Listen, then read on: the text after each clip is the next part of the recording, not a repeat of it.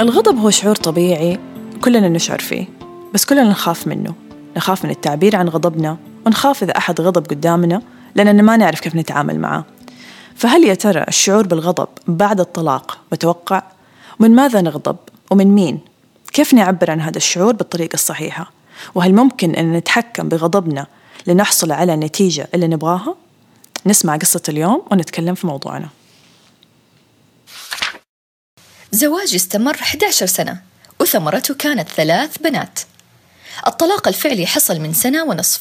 أنا طلبت وحاربت للحصول على الطلاق لأني ما كنت أشعر بأني في علاقة زوجية. الزوج جدا غير مسؤول والتفاهم بيننا أصبح مستحيل وبدأت أحس بكره شديد نحوه. أكبر صعوبة واجهتها كانت إقناعه وإقناع أهلي بفكرة الطلاق لأن أسبابي لم تكن مقنعة بالنسبة لهم.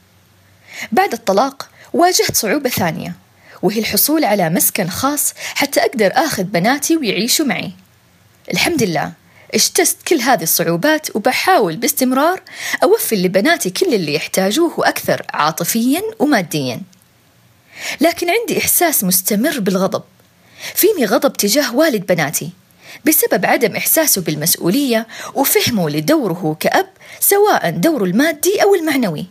وأهمية وجوده بشكل فعال في حياة البنات.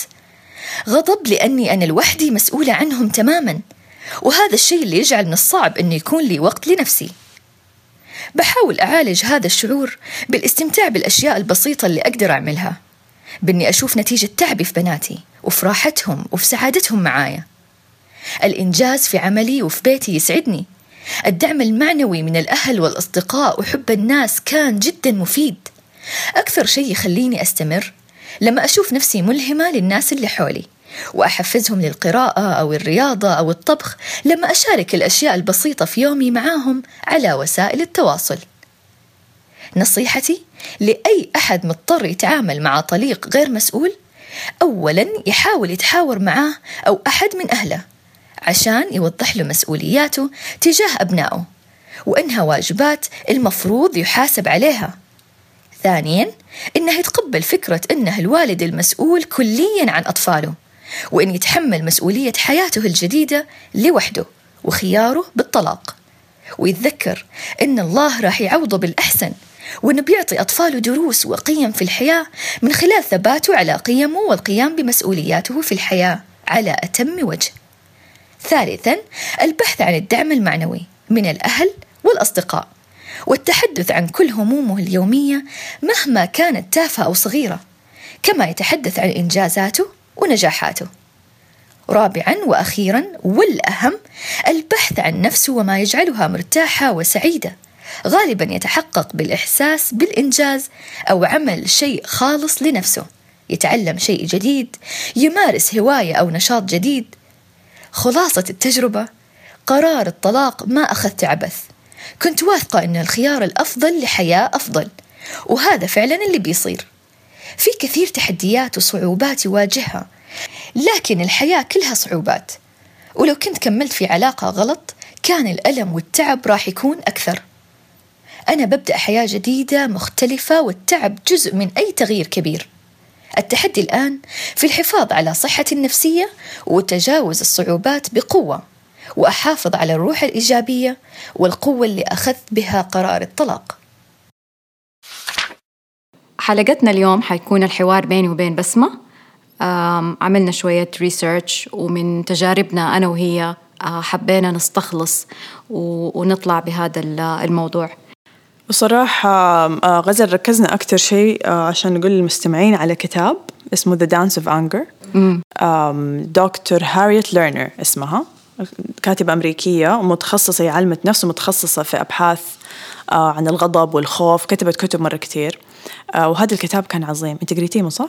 قريته زمان أيوه. رائع. من من الكتب اللي فعلا آه، لفتت نظري لأمور كثير أيوه. وحسيته تتكلم عن موضوع الغضب وبالذات المرأة لما تغضب مره بشكل موضوعي ومرة كده جاوب على أسئلة عندي مرة كانت كثير وسبحان الله مع إنه هو موجه يعني هي يعني من الغرب ولكن ينطبق علينا إحنا حتى في مجتمعنا العربي بينطبق علينا نفس الشيء المرأة في الغرب أو هنا آه، بيعانوا من نفس المشكلة. بالضبط ويثبت إنه إحنا دائما يعني المرأة مرأة في كل العالم في كل الأديان وفي كل المجتمعات إحساسها واحد ومشاكلها مع الرجل برضو واحدة. بس برضو الكلام اللي كان بتقوله في الكتاب آه ما ينطبق فقط على المرأة كان ينطبق حتى على الرجل. إنه كانت تستشهد بقصص مثلا ومو بس كمان كان كلام عن الغضب من الزوج. أو مثلا الطليق في في موضوعنا. آه الغضب حتى من أحد أفراد العيلة غضب من أحد في العمل غضب من أحد من الابناء الأخوان. يعني لما نفكر فيها ترى ممكن يكون إحنا عندنا غضب تجاه ناس معينين في حياتنا لأسباب مختلفة. أو تجاه وضع معين. بالضبط. أحيانا مش غضب تجاه أحد صح. تجاه وضع تجاه ظرف معين أنا مريت فيه أو بمر فيه. فأنا أول ما عرفت إنه الموضوع حنتكلم فيه عن غضب قلت يا ترى لو أجي أبغى أوصف الغضب هو إيش؟ هل فكرتي؟ أيوه أحس على طول ضغطي يرتفع. أحس كذا دمي يبغى ينفجر من جسمي. وعلى طول أحس وشي يحمر وحرارتي ترتفع. أنتي؟ فعلا حسيت كأنه كأنه شيء قابض على قلبك. آه وفي نفس الوقت يعني يعني زي ما قلتي البيولوجيكال آه الآثار البيولوجية حقته مرة يعني مرة مؤذية ومرة مؤلمة. وصعب أحيانا أحيانا تدخلي في ده في ده المود وصعب تخرجي منه إلا لما فعلا أحد يساعدك إنك تشوفي الوضع على حقيقته أيوه إنك أنت تكوني واعية. في ناس كثير آه، تجيهم حالات الغضب هذه بس ما يكونوا واعيين إنه أو حتى ما يكونوا واعيين من السبب. يعني مثلا دكتور هاريت في الكتاب بتقول إنه أول شيء تعملين إنك أنت لما تغضبي أو تشعري بالغضب هذا تسألي نفسك الغضب هذا إيش سببه الحقيقي؟ مو السبب الظاهري. لأنه بتصير معانا كثير إنك ممكن تزعلي من شيء مرة سخيف وتستغربي من ردة فعلك المبالغ فيها إنه الشيء ما كان يستاهل. فعلا. بس لما تيجي تقعدي بينك وبين نفسك تكتشفي إنه لا ترى في سبب تاني أعمق آه وانت ما يمكن عبرتي عنه وما انت قادرة تغيريه أو تعملي عنه شيء عشان كذا طلع في شيء بسيط تاني. الغضب زي ما نحن كلنا عارفين هو مرحلة من مراحل الحزن اللي هو ال grieving process اللي بنمر فيها لما نحن بنمر بفقد. آه، والطلاق هو أحد هذه ال ال يعني ال الأزمات اللي بنمر فيها. ف خلينا نتكلم شوية عن الغضب أثناء فترة الطلاق. طب أنت غزل متى شعرتي بالغضب بعد طلاقك؟ يعني هل مثلا على طول بعد ما صار الطلاق ولا بعد فترة لما قعدتي مثلا تفكري في الأحداث؟ um شوفي يا بسمة بالنسبة لي. أنا أحس إنه الغضب جاء مع يعني مواكب ل ل transitions معينة. okay فما جاك على ما جاني على إيه، طول. حتى أنا نفس بالعكس الشيء. جان يعني في البداية أنا كنت يعني دخلت في مرحلة الصدمة وأخذ مني وقت. آه الغضب جاء مرحلة شوية متأخرة. هو طبعا زي ما نعرف يعني من شخص لشخص آه، يعني تختلف آه، المراحل. مو شرط نحن نمشي في نفس المراحل كلها بالضبط يعني آه، زي نفس الترتيب. صح زي في القصة اللي, اللي عرضناها في الحلقة إنه هي غضبت بعد ما صار الطلاق لأنه مثلا الأبو ما كان مسؤول عن بناته وحست فجأة إنه هي عليها مرة مسؤولية وهي شرق فبعد ما بدأت حياتها الجديدة بعد الطلاق بدأ عندها الغضب. في ناس يبدأ عندهم على طول لما يصير أصلا سبب الطلاق مثلا بالذات إذا سيدة أو رجل الطلاق صار غصبا عنهم يعني انفرض عليهم فرض يعني ما كان هم جزء من القرار أو حصل بسبب ما هو مقنع بالنسبة لهم. ففي غضب تجاه الموقف. أحيانا يعني ممكن يكون في غضب تجاه المجتمع غضب تجاه الأهل أحيانا. ممكن واحدة تقول أنا ليش كيف أبويا جوزني لواحد زي كذا مثلا. آه أو الرجال يقول والله أنا كيف كيف أصلا يعني غضب من نفسه كيف أنا اخترت إنسانة زي كذا صح. فأعتقد هذه واحدة من ال ال ال الأسباب اللي تؤدي للغضب في الطلاق. وزي ما قلتي أنت غزل إنه بيجي على فترات. يعني لا نحسب إنه الغضب حيجي مرة واحدة بس. لا هيجي كل مرة لأنه ممكن كل مرة في سبب جديد أو السبب الرئيسي إحنا ما عالجناه. فحيرجع يظهر كل مرة. نقطة تانية مرة مهمة تناولها الكتاب. كان طريقة تعبير الناس عن غضبها. فمن وجهة نظر الكاتبة الناس تنقسم عادة إلى قسمين آه، لما يعبروا عن غضبهم. وعادة هي كانت طبعا بتخص بكلام المرأة بس أنا لاحظتها حتى موجودة في الرجل إنه عندك نوع اللي هو صانع السلام أو ال peacemaker الغاضب أو عندك المرأة الغاضبة أو الرجل الغاضب اللي هو خلينا نبدأ بال peacemaker أو صانع السلام. هدول الناس اللي لما يزعلوا يكتموا في نفسهم اللي ما يعبروا اللي يحس إنه المشكلة بسببهم. يلوموا نفسهم آه، دائما يحاولوا هم يهدوا الموضوع حتى لو ما كان ذنبهم. يعني هي يعني ممكن تكون هي الست شعرت بالغضب بس هي اللي حتتراجع أو أو تغير رأيها أو تغير موقفها بس عشان تحافظ مثلا على البيت أو بس عشان هي تعودت إن هي دائما اللي تتنازل. وفي رجال كذا أو يمكن عشان برستيجها ما يسمح. مثلا مثلا. أو هي تربت كذا يعني أنا أعتقد إحنا جزء من مشكلتنا مع التعامل مع الغضب إنه ترى إحنا الرسائل اللي جاتنا من المجتمع آه إنه لا مثلا البنت المفروض ما تصرخ أو ما تعصب صح؟ إيوه. دائما إحنا تربينا على ده الشيء. إيوه. أو يعني عادي لو الرجال مثلا ممكن صرخ عصب هذا يمكن جزء من رجولته أو قوة شخصيته. بس ال ال البنت المؤدبة لا اللي مثلا دائما صوتها واطي دائما ما تصرخ دائما ما تزعل. ولما تكبري تبدأ الرسائل هذه تجيك إنه طب لا أنا الموجود إنه أنا ما حأعبر أو أنا لا عشان الناس تحبني فأنا حتغاضى حسكت آه بلاش أسوي مشاكل. إيش رأيك؟ أنا رأيي إنه أيوة نحن تعلمنا في المجتمع إنه ما المفروض ما نغضب. طب يا جماعة في شيء في أحيانا أمور تستحق إني أغضب في أشياء يعني نحن بشر. بالضبط آه okay. هو أنا يعني أحكم على تصرفي. أيوة ما المفروض أتصرف بالطريقة دي. بس إنه أشعر جواتي بغضب I think يعني هذا شيء عادي طبيعي. إنه زيه زي الحزن زي الحب أتعامل واتعلم بالعكس لما أحس فيه ويعني و... واكون واق... يعني كيف يعني اي اكنولج إنه ها إنه أنا حاسة بغضب ووقتها أوجه الغضب هذه بطرق ممكن نحن نذكر بعض بالزبط. منها. وهذه اللي هي قالت على الكاتبة كمان إنه الغضب عبارة عن طاقة. مم. يعني الغضب طاقة إذا ما طلع في الاتجاه الصح ممكن تكون طاقة يعني مدمرة ديستركتيف صح. وهذا كثير شفناه قدامنا سواء في عوائلنا ولا بين مثلا في مجتمعنا إنه الناس مم. اللي هم اللي ما يقدروا يتحكموا في غضبهم إيش ممكن يسووا؟ وكيف ممكن يأثر الشيء عليهم صحيا كمان يعني ياما ناس يتحول إلى تمرد. ممكن هذا اجتماعيا بس يعني نفسيا كيف يأثر عليهم صحيا كيف يأثر عليهم جلطات أزمات قلبية. نتكلم في موضوع يعني ما يبغى لنا حلقات. بالضبط. نتكلم عن آثار التوتر والغضب أيوه. كله. فاذا الغضب لو انكت لو انكبت زي هذا اللي إحنا بنقول النوع اللي هو صانع السلام حيسبب مشكلة.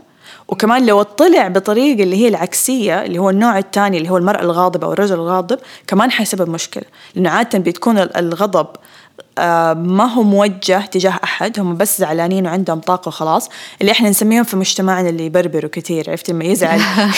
بس يتكلم ويهزئ في اللي قدامه وما حد عارف هو ليه زعلان. أبدا مو شخصية محبوبة ولا أحد يبغى يكون كذا فالناس تتجنب هذا الشخص آه لأنه الناس ما يعرف كيف يتعاملوا معاه. وبالذات هي حلوة كتبت في الكتاب مقولة مرة عجبتني تقول لك ليش الناس يخافوا من المرأة الغاضبة؟ ليه؟ لأنه المرأة الغاضبة هي اللي ممكن تصنع تغيير وإحنا نخاف من التغيير. فكري فيها. لو واحدة مثلا أنت قاعدة في مطعم أيوة. وجات واحدة ست مثلا لقت الطاولة وسخة حتعمل وعملت مشكلة. حينظفوا لها الطاولة بس واحدة تانية جات لقت الطاولة وسخة وسكتت وقعدت. ما حيصير شيء. خلينا نكون في النص. آه هو ده أكيد طبعا. فهذا اللي إحنا نبغاه. طيب يا بسمة أم إيش تتوقعي لما الواحد يغضب؟ أم إيش ممكن يسوي عشان يعني يوجه هذا الغضب. قلنا ما ما المفروض إنه يكتم وإنه ولا كأنه شيء صار. لا في شيء صار وفي شيء أحيانا يستحق الغضب. آه وإذا كان الغضب هذا حقيقي فكيف أنا ممكن أتعامل معه؟ طيب هي في الكتاب تقول لك أول شيء لازم تسألي نفسك آه إيش الشيء اللي, اللي يغضبني حقيقه الآن؟ مم. مو والله إنه آه السواق تأخر علي وأنا تأخرت على موعدي. لا يمكن أنت أصلا في شيء تاني ساير معاكي. أساسي مشكلة تانية شيء قالك أو شيء مزعلك أكبر من كده بس أنت طلعت تحرك في السواق. مثلا وهذه بتصير أو طلعت تحرك في أولادك أو اللي هو. فدائما نقول دوروا على السبب الحقيقي. وأنا دائما ألاحظها أكثر في الرجال. آه لأنه السيدات طبعا عندهم أكثر مهارة التواصل يعني. فالست ممكن تقول ترى أنا زعلانة من هذا الشيء والستات يفضفضوا كثير بطبيعتهم. الرجال ما يفضفضوا. فلأنه هو ساكت وما قال الشيء اللي, اللي مسبب له الغضب ده فتلاقيه يطلعه في أشياء تانية صغيرة. فدائما مثلا صحباتي ولا أحد لما يجي يشتكوا والله زوجي عمل والله ما خلاني اخرج أقول لها ترى مو هذا السبب دوري على السبب الحقيقي اللي هو زعلان منه. ويطلع حقيقي لأنه لما تيجي تواجهه يقول أيوه صح لأنه هو أصلا ما كان عارف هي wasn't aware إنه هذا الشيء هو اللي مزعله. فهذا أول سؤال تسألينه إيش السبب أصلا اللي مزعلني؟ الشيء الثاني إنه إيش المشكلة بالضبط؟ ومشكلة مين؟ هل هي مشكلتي ولا أنا بس محموقة على الفاضي؟ يعني أنا مزعله نفسي على أحد أنا ما لي علاقة فيه. وهذه برضو نشوفها كثير. نحن مرة نتحمل فوق طاقتنا. بالضبط. أو تقولي مثلا أنا أشيل هم؟ لا ليه تشيل هم أحد؟ شيل هم نفسك. ولا أزعل عليه. لا تزعل عليه. هو يزعل على نفسه. وهذا شيء ثاني برضو تكلمت عنه في الكتاب عجبني مرة. وكثير نشوفها في في في, في العلاقات يعني في في المتزوجين. سواء في الرجل أو السيدة لما يقول لك لما واحد من الطرفين يكون هو يشعر أو يعبر عن مشاعره أكثر من الثاني بالطريقة اللي هي مثلا بغضب أو انفعال الطرف الثاني يبدأ ينسحب شوي شوي ويصير يحس إنه أنا ما أحتاج أعبر عن مشاعري لأنه اللي معايا شريكتي أو شريكي بيعبر عني. يعني مثلا أيوة كان بتقول قصة غريب. أيوه كان بتقول قصة في الكتاب مرة حسيتها مو يعني اتكررت أظن في كل البيوت في العالم. آه إنه الرجال أنفصل من شغله. ورجع البيت بيحكي زوجته وزوجته هي اللي دائما طبعا منفعلة والرجال هو الأهدى. فرجع بيحكي زوجته وبيقول لها ترى أنا انفصلت من شغلي. فهي تجننت. هو بيقول لها كان بكل برود عشان ما يبغى يعني يفجعها. مم. فهي تجننت. إنه كيف يفصلوك بأي حق وإنت مشكلة؟ وصرخت وعملت. وهو ساكت. فهي بتقول له أنت ليش ساكت؟ يعني هي عصبت زيادة لأنه هو ساكت وما بيتفاعل معاها. فقال لها يعني أنت تفعلتي عني وعصبتي عني فليش أنا أحتاج إني أنا أعصب؟ يعني فهذا اللي بيصير. فكل ما أحد من الطرفين بينفعل ويعصب وهو يحس إنه بي بي بيشعر بناء يعني بدل الثاني فالثاني حيبدأ ينسحب شوي شوية عاطفيا من العلاقة. وهذا اللي دائما نسمعه إنه ستات مثلا كثير يشتكوا إنه مثلا زوجي بارد أو ما يتفاعل معاي أو ما يعصب. طب ولا انت بتسوي كل العصبية وكل التفاعل؟ فالرجال ما عنده مساحة إنه هو يتفاعل فيها. والعكس صحيح في رجال نفس الشيء يقولوا على السيدات. آه فهذه أعتقد مرة كانت آه نقطة مهمة إنه إنه زي ما قلنا تعرفي إيش إيش السبب الحقيقي للمشكلة ومن غير ما تنفعلي فيها. كيف ممكن أعبر عن غضبي؟ آه بالطريقة اللي ما تأذيني أو ما تأذي أحد. يعني زي ما انت قلتي غزل انه الفرق بين الإنسان ده اللي هو اللي انفجر وفقد السيطرة على غضبه وبين الإنسان ال ال كمان المكبوت انه ردة فعل. إنه أنا كيف أتصرف؟ طب أنا صار شيء يزعلني إيش حسوي؟ حسكت وأكبت في نفسي آه وممكن ده الشيء يتراكم بعدين ويسبب مشاكل تانية. يصير آه اللي هو ريزنتمنت اللي هو الرفض أو الامتعاض أو يصير بتونس مرارة. تعرفي دول الناس اللي تحسيهم كذا عندهم مرارة مرة علي كثير أيوه كذا غضب عندهم غضب تجاه كل شيء في الحياة. أيوه. لا نحن ما نبغى نوصل لهذه المرحلة. نبغى نعدي مرحلة الغضب بطريقة صحية. وبرضه في الآخر إذا أحد محتاج مساعدة برضه نحن ما بنقول إنه الغضب مرحلة سهلة. أم كثير مرات نحتاج نروح لاستشارة نفسية و... ونتعلم المهارات اللي أصلا نحن ومن صغرنا نحن ما عرفنا. كيف نكتسبها. بالضبط يعني دائما يقول ليش ما علمونا كيف نعبر عن مشاعرنا في المدرسة وعلمونا أشياء تافهة ما استفدنا منها في حياتنا. بس ولا تقولي تافهة. طيب شيء ثاني كمان ذكرته الكاتبة في الكتاب آه، ممكن يساعدنا إنه إحنا آه، نعبر عن غضبنا أو ناخذ الشيء اللي نبغاه. إحنا أنت ليش بتغضبي عادة؟ لأنه الشيء بيصير مو زي ما أنت تبغي أو عكس توقعاتك. أو شيء أذاكي. فأنت كيف تقدري تحصل على الشيء اللي أنت تبغيه؟ إنك أنت تكوني واضحة. إنك رغباتك تكون واضحة توصليها بشكل موضوعي من غير انفعال آه بشكل واضح وتكون القرارات أو الأشياء اللي أنت تبغيها هذه مبنية على شيء أنت حقيقي تبغيه وتحتاجيه. مو عشان فلان قال أو عشان المجتمع أو, عشان أو مو عشان كمان أنتقم. بالضبط. آه تحصل كثير في الطلاق. أيوه بالذات بالذات في الطلاق. إنه أنا والله لا عشان الناس إيش حتقول عني؟ أنا لازم أسوي مشكلة. أنا لازم أكبر الموضوع. لا ترى مو لازم. في الآخر أنت مسؤولة عن ردة فعلك سواء الرجل أو السيدة. آه وفي الآخر طبعا إحنا عارفين إنه بيضيعوا فيها الأولاد. يعني ياما نسمع عن القصص أو المشاكل والحالات انفجار الغضب اللي صار الأولاد كانوا ضحية فيها. وطبعا إحنا لما نكون بنعبر عن غضبنا بطريقة صح بنكون قدوة لأولادنا في الآخر يعني. يتهيألي كمان واحدة من الأش... الأشياء اللي تساعد إنه الوحدة أو الواحد يتخلص من الغضب أو يوجهه إنه يحاول يستغل الطاقة هذه في شيء يعني مثمر أو شيء إيجابي شيء يعود على أحد آخر أحد تاني مثلا بالفائدة. الرسم كتير يعبر ويخرج الطاقة اللي هي طاقة الغضب. آه، الرياضة. برضو ممارسة الرياضة اللي هي الرياضة اللي هي زي الجري زي الأشياء فيها يعني فيها مجهود. صح بس برضو لو أحد فضل يسوي رياضة من هنا لبكرة الصباح هو زعلان وما قال هو ليش زعلان ومن مين زعلان آه، أعتقد أنها برضو حتفضل. آه، فيمكن أوكي أنا عارفة صعب بالذات في مجتمعنا إنه أنا أي أحد يزعلني أروح أرفع عليه سماعه الوتر إنت زعلتني. بالذات لما يكون أحد أكبر مني أو أحد من عيلتي أحد أنا أعرف إنه هو ما حيتقبل هذا الشيء. بس ممكن نكتب يمكن. أكتب على ورقة أنا إيش اللي زعلني وليش. يعني هذا مرة مهم. أنا ليش زعلني هذا الشيء؟ زي ما قلنا هل هو عشان توقعات ولا عشان كان في مثلا ذكرني موقف قديم؟ إيش بالضبط؟ فأعتقد الكتابة برضو مرة حتساعد في الموضوع. أنا أعتقد كمان الغضب أو يعني مظهر الواحد اللي هو غضبان هو مظهر شخص في داخله في يعني في صميم الأمر هو هو ضعف. هو خوف. خوف مزبوط يعني اللي يمسك نفسه وقت الغضب اللي كده يعني أحس إنه هذا اللي عنده يعني تحكم صبر. في في مشاعر. واحيانا يقول لك الإنسان اللي ينفعل بزيادة وقت الغضب هذا يكون خايف إنه أحد يلومه فيقوم هو يبدأ إنه يلوم غيره أو هي اتاكس أو يهجم على اللي قدامه عشان ما حد يهجم عليه هو. فهذا زي ما قلتي إحساس بالنقص أو بعدم الثقة في النفس إنه أنا ما أقدر أواجه أحد إذا أحد لامني في شيء. أيوه فمظهره هو يعني إنه صوته عالي أو إنه عنيف بطريقة ما هذا ممكن يجيب له ثقة بالنفس آه، ما هي ما هي حقيقية ما هي يعني مزيفة. وهذا الشيء اللي أكدته في الكتاب الكاتبة إنه دائما الغضب وراء ألم pain. يعني دائما behind anger is pain. إنه في أحد مجروح. فيعني تحاولي إن أنت تشوفي إيش سبب الجرح ده. وأحيانا الإنسان الغاضب ده يحتاج بس أحد يطمنه ويهديه. ما يحتاج أحد يتضارب معاه ولا يصده. لا بس يحتاج أحد يهديه.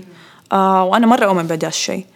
وللأسف أعتقد لو يعني كنا نعرف هذا السبب كان وفرنا على نفسنا مضاربات ومشاكل مرة كثير أيوة، مع, مع ناس صغار.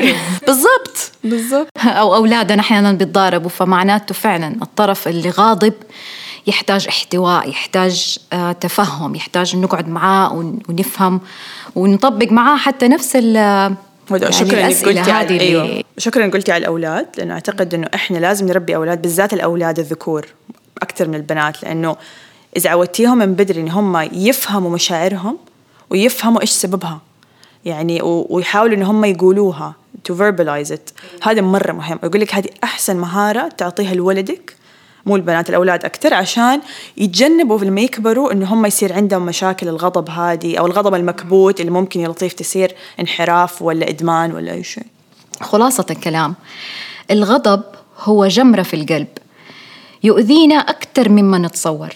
عشان كده كانت وصية الرسول صلى الله عليه وسلم لما أحد من من الرجال سألوه وقال له أوصني قال له لا تغضب بهذه البساطة لأنه هو يقصد بلا تغضب مو إنه تجنب يعني يعني إنك تحس بالغضب ولكن أنت حاول تتجنب الأسباب التي تؤدي للغضب وإذا غضبت فلا يعني يظهر عليك آثار. هي مظاهر الغضب آه لا لا تبطش لا تقول كلام سيء لا تتصرف لا تتخذ قرار وانت في هذه المرحلة. فالغضب هو شعور طبيعي إنساني نابع من خوف وعدم شعور بالأمان. المهم إننا ما ناخذ قرار في لحظة غضب لأنه الغالب إنه هذا القرار حنندم عليه في المستقبل. شكرا مستمعينا. شكرا لكم مستمعينا. إن شاء الله تكونوا استمتعتوا بهذه الحلقة اليوم. وتابعونا على مواقع التواصل الاجتماعي انستغرام تويتر ويوتيوب وإذا عندكم أي استفسارات أو أي ملاحظات يا ريت تبعتوا لنا هي على الإيميل. شكرا لكم. كان معاكم بسمة وغزل. هذا البرنامج يقدم برعاية جمعية المودة للتنمية الأسرية بمنطقة مكة المكرمة.